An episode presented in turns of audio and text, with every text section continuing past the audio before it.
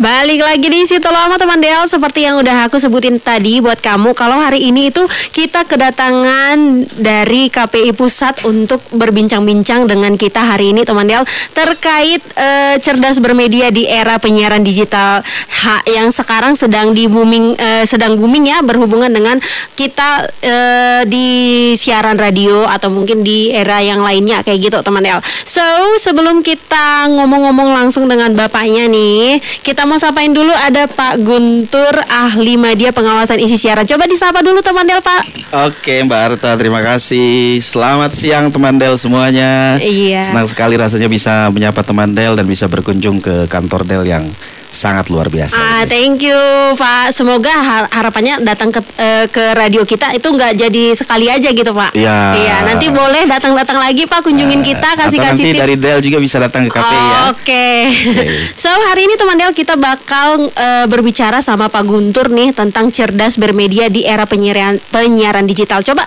Bapak kasih tahu dulu deh uh, sedikit pengertian atau supaya kita lebih tahu dalam tentang uh, cerdas bermedia di era penyiaran digital ini gimana sih maksudnya Pak? Baik, uh, terima kasih Mbak Arta. Jadi sebenarnya uh, media penyiaran kita kan hari ini sudah sangat-sangat banyak ya. -huh. Apalagi masuk uh, di era digital dari analog menuju ke era digital.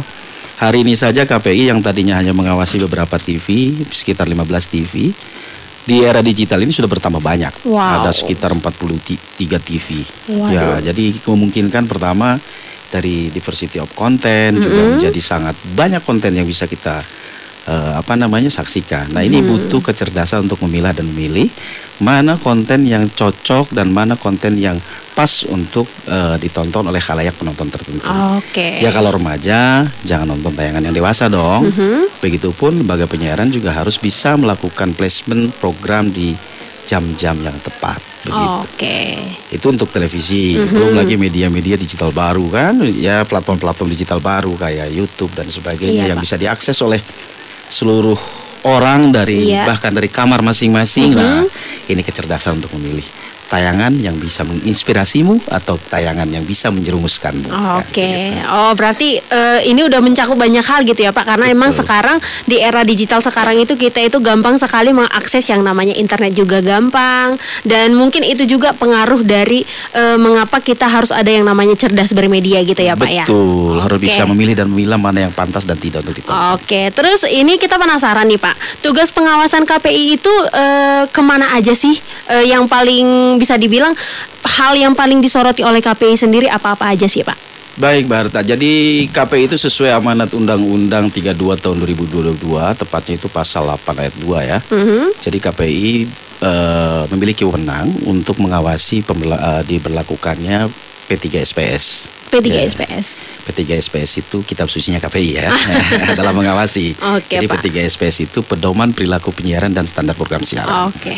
Untuk melakukan uh, untuk melakukan pengawasan itu KPI membentuk tim pemantauan. Mm -hmm. Nah, pemantauan televisi dan radio selama 24 jam. Mm. Jadi kalau Barta ke kantor KPI main nanti, nah itu di situ ada satu ruangan mm -hmm. isinya orang-orang yang sedang nonton TV dan dengerin radio. Oh. Jadi itu 24 jam, bergantian wow. selama 6 jam mereka. Jadi 6 jam ganti orang, 6 jam ganti orang. Nah, itu bagian dari KPI menunaikan amanat undang-undang tersebut untuk melakukan proses pengawasan. Saat ini di tahun 2023 ada 40, 43 TV digital yang kita pantau. Mm -hmm. Lalu kemudian juga ada 15 radio mm. dan ada 5 LP berlangganan yang kita pantau. Mm. Ada, kalau personilnya ini di kantor KPI pusat itu yang paling banyak personil kita. Oh. Ada 141 dari mulai tenaga pemantau, visual data, lalu kemudian ada tenaga analis penyelia mm -hmm. dan ada juga saya sebagai koordinator di situ atau tenaga ahli media. Ada 143. Wah, banyak juga ya, Pak ya. Iya, hampir separuh isi kantor itu isinya tim oh, pengawasan. iya iya, ya, karena gitu. memang uh, jadi isu juga sih, Pak ya, karena memang ya. untuk masalah penyiaran ini benar-benar harus diperhatikan sekarang kalau saya Tuh. pribadi ini, Pak, uh, yang memang bisa dibilang waktunya di radio juga Tuh. menggunakan sosial media Tuh. dan juga uh, kayak menyaksikan televisi itu memang banyak sekali sekarang siaran-siaran itu yang kayak uh, ada pembatasan gitu kayak remaja orang uh, di di remaja bimbingan orang tua kayak gitu ya, ya Pak ya. ya. Itu bagian dari pekerjaan dari KPI sendiri untuk membatasi yang yang kita harapkan tidak berpengaruh untuk orang yang menyaksikan gitu ya Pak ya. Betul Mbak Arta. Jadi ada klasifikasi program di regulasi kita di P3 SPS itu terutama di terutama di SPS pasal 33 sampai 38 itu. Semuanya mengatur soal program dengan klasifikasi tertentu. Oke. Jadi ada klasifikasi anak, remaja, dewasa, jam tayangnya juga diatur, lalu kemudian kontennya apa saja yang disajikan dan tepat untuk klasifikasi program tersebut juga diatur di sana. Oke, terus gini nih Pak, jadi penasaran kan karena memang KPI itu kita tahu bahwa eh, benar-benar memperhatikan berbagai macam media, salah satunya juga radio nih. Iya. Eh, nah, jadi kita juga butuh tahu nih Pak, sebenarnya kita sebagai orang yang pelaku radio sendiri itu harus menghindari apa sih supaya kita nggak kena sanksi atau eh, kena teguran dari KPI sendiri? Apa-apa aja sih Pak muatannya yang mm, termasuk eh, dari pelanggaran-pelanggaran penyiaran radio gitu Baik. supaya kita nggak menyentuh itu nih Pak ceritanya. Iya, iya, iya. Eh, sebenarnya untuk radio itu dugaan pelanggaran eh, paling banyak ditemukan itu lebih pada pertama, ini secara regulasi untuk radio memang agak sedikit eh, lebih simpel ya, karena dia audio kan, Iya, nggak Pak. visual ya. Lebih pada pengaturan terkait dengan lirik lagu. Oke. Nah, lirik lagu dengan muatan seksual dan kata-kata kasar. Mhm. Ini harus melalui proses radio edit nih. Oke. Jadi radio itu nanti setelah terima lagu dari label dan sebagainya jangan asal putar, jangan Mhm. asal siarkan, tapi untuk melakukan pertama kali melakukan proses radio edit Oke. agar muatan-muatan lagu yang tidak pantas bisa tertracking dan dilakukan proses sensorship internal oleh tim radio, sendiri, sendiri. ya. Itu yang dominan ditemukan di radio. Lalu kemudian penyiar-penyiar nih. Hmm. Nah, kadang-kadang penyiar-penyiar nih kalau sudah bercanda kan Iya, kelewatan gitu ya Pak ya. kelewatan ya, apalagi nyerempet hal-hal yang berbau apa namanya eh, asosiatif seksual. Iya. Tuh, itu beberapa kali sih mendengarkan radio juga memang itu yang bikin pecah suasana sih sebenarnya, tapi harus ada batasan-batasan Hmm. Iya. regulasi yang ditaati di situ dan tidak boleh sembarangan untuk membicarakan hal-hal yang eh, berbau seksual. Mhm. Karena kita tidak tahu pendengar kita yang mendengarkan di sana itu siapa tetangga kita kah, orang-orang terkasih kita kah, bahkan mungkin anak kita sedang mendengar- mendengarkan itu. Nah, kalau sedang mendengarkan itu mendapatkan candaan begitu dan dia menganggap itu sebagai hal biasa juga Iya, Pak, benar. nggak baik kan seperti itu.